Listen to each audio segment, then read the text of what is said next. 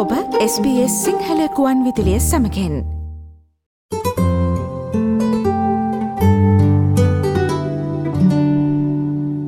federation of Ethnic Communities Councils of Australia හෙවත් ඔස්ට්‍රලයාාවේ ජනවාර්ගික ප්‍රජා සභහ සම්මේලනයේ වාර්ෂික සමරුව මෙවර පසුගේ ජුනි දහසය වනදා සහ දා හත්වනදා මෙල්බන්නුවරදී පැවැත්වනා.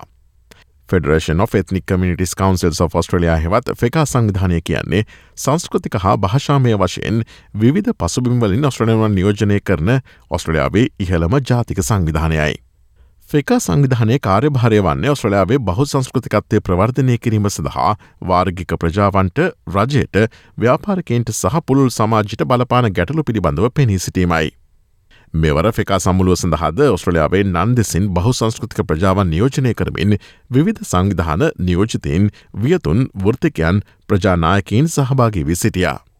බහු සංස්කෘතික ඔස්ට්‍රලයාාවේ දියුණුව යන්න මෙවර ෆෙකා සමුළුවේ ප්‍රධාන තේමාව වුණා. මෙම සමුළුවේ මාධ්‍යාවරණය සඳහා ගොස් සිටි SBS සිංහල ගුවන් ඉදිරියට විධ බහු සංස්කෘතික සහ ප්‍රජා සංවිධානවල ශ්‍රී ලංකය නියෝජිතයන්ද මුණ ගැසුනා. එහිද අපි ඔවුන්ගෙන් අදහස් විමසා සිටින්නටත් අමතක කළේ නැහැ. ඔස්ට්‍රලයනු බහුසංස්කෘතික ප්‍රජාසේවාවන්හි ප්‍රජා සවි බලගැන්වීමේ කළමනාකාරණයක් ලෙස කටයුතු කරන ආචාර මේදා ගුණවර්ධන මහත්මී සමඟ අපි මුලින්ම කතාබහ කලා. ඔස්ට්‍රලයාාවේ වෙසෙන බොහෝ සංක්‍රමණික ප්‍රජාවන්ට තිබෙන පොදු මානසිකත්වයක් ගැන අපි එහිදී ඇගේ අදහස් විමසා සිටියා. ශ්‍රී ලංකේ ප්‍රජාව ඔස්ට්‍රලයාාවට පැමිණෙන්නේ සංක්‍රමණික ප්‍රජාවක් ලෙසයි. එහින්ද බොහෝ දෙනාගේ මානසිකත්වයක් තියෙනවා අපි මෙහි ප්‍රධාන දහරාවට අයිති නැහැ කියලා.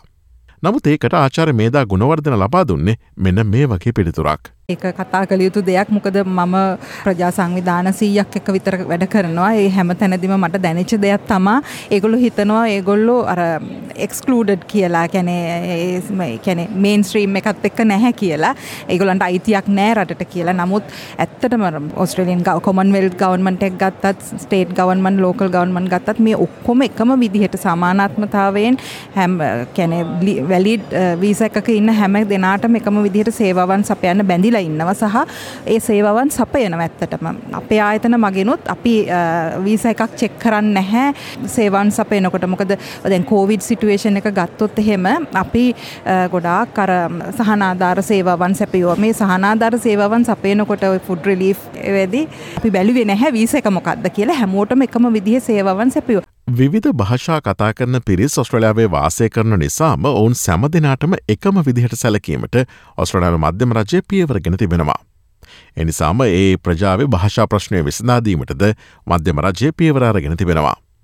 ඒ ගැනත් ඔස්ට්‍රලයානු බහු සංස්ෘතික ප්‍රජාසේවාවන්හි ප්‍රජා සවි බලගැන්වීමේ කළමනාකාරණයක් ලෙස කටයුතු කරන ආචාර මේදා ගුණවර්ධන මහත්මිය SBS සිංහල ගුවන් ඉදිලියට මෙන්න මෙයාකාරෙන් පැහැදිලි කිරීමක් කලා. දැන් අනිත් එක තමා දැන් මේ එකම විදිහට සලකන හින්දා තමා අර දැන් භාෂාමය ප්‍රශ්නේ වුණත් විසඳන්න යන්නේ. කියන්නේ equitable access for information and services කියන එක. කියන්නේ හැමෝටම අයිතියක් තියෙනවා සේවාවන් සමානාත්මතාවයෙන් යුක්තව ලබා ගන්න. මේ රටේ වාසය කරන හැම කියන්නේ ලීගලි ඉන්න හැමෝටම.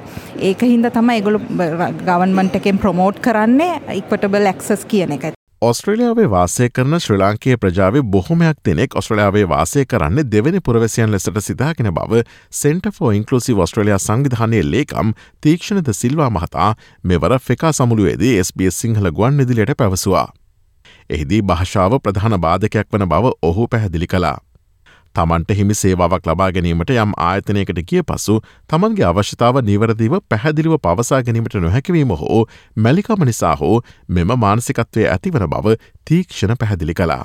යම් කෙසි ආයතනයට ගිල තමන්ට අවශ්‍යදේ ඉටුකර ගැනීම සඳහා භාෂා පරිහරණයේදී සිදුවෙන අපහසුතාවයන් සහ ඒ සම්බන්ධයෙන් තමන්ට අවශ්‍යදේ ප්‍රකාශ කර ගැනීමට නොහැකිවීම නිසා කොයි වෙලාවෙත් පැකිලීමකට පත්වෙන ආයතනයට ගිහිලා තමන්ට සීයට සීයක්ම අයිතිවාසිකමත් තියෙන දෙයක් කරගන්න උනත් හිතෙන්නේ මේක අපිට නෙමේ තියෙන්නේ මේක මේ රටේ ඉන්න මිනිසුන් නැත්නම් මේ රටේ පුරවැසියන්ට තමයි තියෙන්නේ. කියන ආකල්පය තමයි අපේ ඔළුවේ රැඳිලා තියෙන්නේ. මේ මානසිකත්වය සම්පූර්ණයෙන්ම වැරදි ආකල්පයක් බවත් එයින් ගලවා ගැනීමට තම සංවිධානය වන සෙන්ට ෆෝ ඉන්කලසිව ඔස්ට්‍රලයාාවනි ආයතන ඔස්ට්‍රලයාාවේ ක්‍රියාත්මක වන බවත් ඔහු පැවසවා. එය තම ආයතන වැනි ආයතන හෝ සංවිධානවල වගකීමක් ලෙස සෙන්ට ෝ ඉන්කලසිව ස්ට්‍රලිය සංවිධානය ලේකම් තීක්ෂණද සිල්වා මහතා SBS සිංහල ගුවන්න දිලියට පැවසවා. ඒකට මූලික වශයෙන්මම භාෂාව අභියෝගයක් වෙන එක නැතුව තමන්ගේ භාෂාවෙන්මම අපේම සිංහල භාෂාවෙන් කතා කරලා හරි ඕන ප්‍රශ්නයක් විසඳගන්න පුළුවන් වෙන විදිහට තමයි අපේ ආයතනය අපේ ජනතාවත් එක්ක කටයුතු කරන්නේ එහිදී මේ මානසිකත්වය ගැලවා ගැනීම විශේෂයෙන්මම අපේ වක්කීමක් විදිහට අපි දකිනවා. ඔස්ට්‍රලයානු පුරවැසියකුට හෝ සිර පදිංචිලාබියකුට හෝ අමතරව නීත්‍යයනුකූල ඔස්ට්‍රලයානු වීසා බලපත්වයක් තිබෙන ඕනෑම පුද්ගලයකුට ඔස්ට්‍රලයානු සමාජයේ ජීවත්වීමේදී අදාළ මූලික අයිතිවාසිකම්වලට හිමිකම් කියන්න පුළුවන්. නමුත් තාවකාලික වීසා බලපත්‍රවල එම වීසා බලපත්‍රයට අදාළ කොන්දේසි පැහැදිලිව සටහන් කරතිබෙනවා. කෙසේ වෙතත් ඔස්ට්‍රලන් පුරවැසියකු හෝ ස්තිර පදිංචිලාබියකු නොවී නීත්‍යයනුකූල ඔස්ට්‍රලන් වීසා බලපත්‍රයක් තිබෙන පුද්ගලයන්ට තමන් ඔස්ට්‍රලයාාවට අයිති නැති අයෙක් බවට වන මානසික තත්වේ නීතිමිය තත්වය පිළිබඳ මෙල්බන්නුවර නීතික්ඥවරයක් සහ මානමහිමිකම් ක්‍රියාකාරණයක් ලෙස කටයුතු කරන අභිරාමිද සිල්ලා මහත්මිය ෆෙකා සමුළුවේදී SBS සිංහල ගුවන්නදිලියට මෙන මෙයාකාරයෙන් අදහස් දැක්වවා. නීතියෙන් පැත්තෙන් බැලුවොත් එහෙම අපි හිතන්ඩ ඕන කිසිම කාරණාවක් නැහැ මොකද මේ රට world leading example multiculturalism වලට එතකොට එහෙම බැලුවාම ඔස්ට්‍රේලයා හිවමන් රයිට් ට්‍රීටිය එකට um, සැබහ වෙලා තියෙනවා. ඒ වගේ ඉන්ටර්නේශනල් ලෝස් වලට බයිට් වෙනවා. Uh, ඒ බැලුවාම අපි ඇත්තටම ඔස්ට්‍රලියයිස මල්ටික් වෙරි මල්ටිකල්චල් කන්ට්‍රී එහෙම බලනකොට uh, ඩොකියමෙන්ටඩ් මයිග්‍රන්ස්ලාට කිසිම එහෙම ප්‍රශ්නයක් නැහැ. ඇත්තට මයිග්‍රන්ස් රයි වනාම රයි වෙච්ච වෙලාව නැතැන් රයි වෙච්ච තැනකෙන් ඉඳලාම සර්විසස් තියෙනවා මයිග්‍රන්ස්ලාට ස්පේශලි ඩොකියමෙන්ටඩ් මයිග්‍රන්ස්ලාට සංක්‍රමණික ප්‍රජාවක් ලෙසට ඔස්ට්‍රලයාාවේ සේවා ලබා ගැනීමේදී අයිතිවාසිකම් පිළිබඳ ප්‍රශ්නයකට මුහුණ පැවත් ඒ පිළිබඳ නීතිමය පිහිටක් ලබා ගැනීමට බොහෝ ශ්‍රී ලාංකිකයන් ඇතුළු සංක්‍රමණික ප්‍රජාව උනන්දු නොවන බවද පෙනී ගොස් තිබෙනවා. මේ ප්‍රශ්නය තවත් පැතිකඩක් පිළිබඳ නීතිඥ අභිරාමිද සිල්ලා මහත්මිය මෙයාකාරයට හෙළිදරව් කලා. අපිට තියෙන ලැංගවේජ් බැරියස් තියෙන්ට පුළුවන්. ඒ අමතරව අපි එන කල්චරල් බැක්රවන්්ඩත් එක්ක මෙහි අපි පලවනියකට එනකොට පොටක් බයිවෙන්ඩ පුළුවන්. මේ රට මට සුදුසේද නැත්තම් මේ වගේ ආයතන වලට මං යන්ඩ පුළුවන්ද? ගියුත් මාව තේරුම්ග ඇරගයිද නැත්තං ඒකටය කියනෙද මට තේරුම් වේද අනිත් එක ලෝ පැත්තෙන් බලනකොට ගොඩක් ජාගන්ස් යස් කරනවා ස්පෙශලි ලෝ ආයතන වලින්ගුත් ලෝයස්ලා තුනුත් අපි එතකොට අර ජාගන්ස්වලට මිනිස්සු බය වෙනවා. ඒ වගේ බැරියස් තියෙනවා ස්පෙශලි ලැංවේජ් බැරියස් ගොඩාත් තියෙනවා. නීතිඥ අභිරාමිද සිල්ලා මහත්නය පැවසූ පරදි ස්ට්‍රලාවේ බොහෝ මූලික සේවාවන් නිත්‍යයනුකුල වීසා බලපත්‍රයක් මත සිටින ඕනෑම පුද්ගලයකුට ලබාගත හැකි.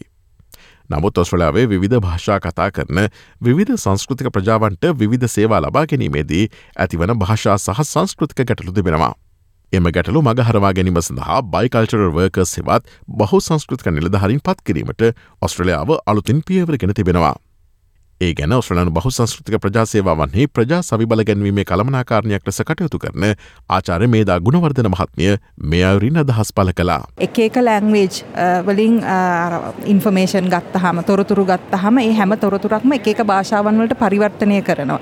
එතකොට සේවාවන් සපයනකොට Um, කැන අපි අර දැන් අලුතින් කන්සෙප්ට එක කෙල්තින බයිකල්චර වර්කස් කියල කැනේ බහු සංස්කෘතික නිලධාරින් ඉන්නවා. ඉතින් මේ හැම දෙයක්ම ස්ටැබ්ලිෂ් කරලා තියෙන්නේ අර හැමෝටම එකම සහ සමාන අයිතියක් තියෙන හින්දා තමා රටේ සේවාවන් ලබා ගන්න. ඔස්ට්‍රලියාවේ අලුත්ම තොරතුරු SBS සිංහල සේවේ විසින් දෛනිකව ගෙනෙන කාලීන තොරතුරු ගුවන් විදිල් විශේෂාන්ගෙන් සජීවිව අපි ඔබ වෙතගෙනෙනවා. මේට පසුව සවන් දෙන්න SBS.com.tu4/ සිංහල යන අපගේ වෙබ් අඩවියේ ඉහළ තීරුව ඇති මාතෘකායන කොටස කලික් කොට කාලින් ලෙස නම් කොට ඇති වෙබ් පිටුවට පිවිසන්න. SBS. SBS. SBS. SBS. SBS. SBS Radio. Like කරන්න ෂයා කරන්න අදහස් ප්‍රකාශ කරන්න. SBS සිංහල ෆස්බුක් පිටුව ෆලෝ කරන්න.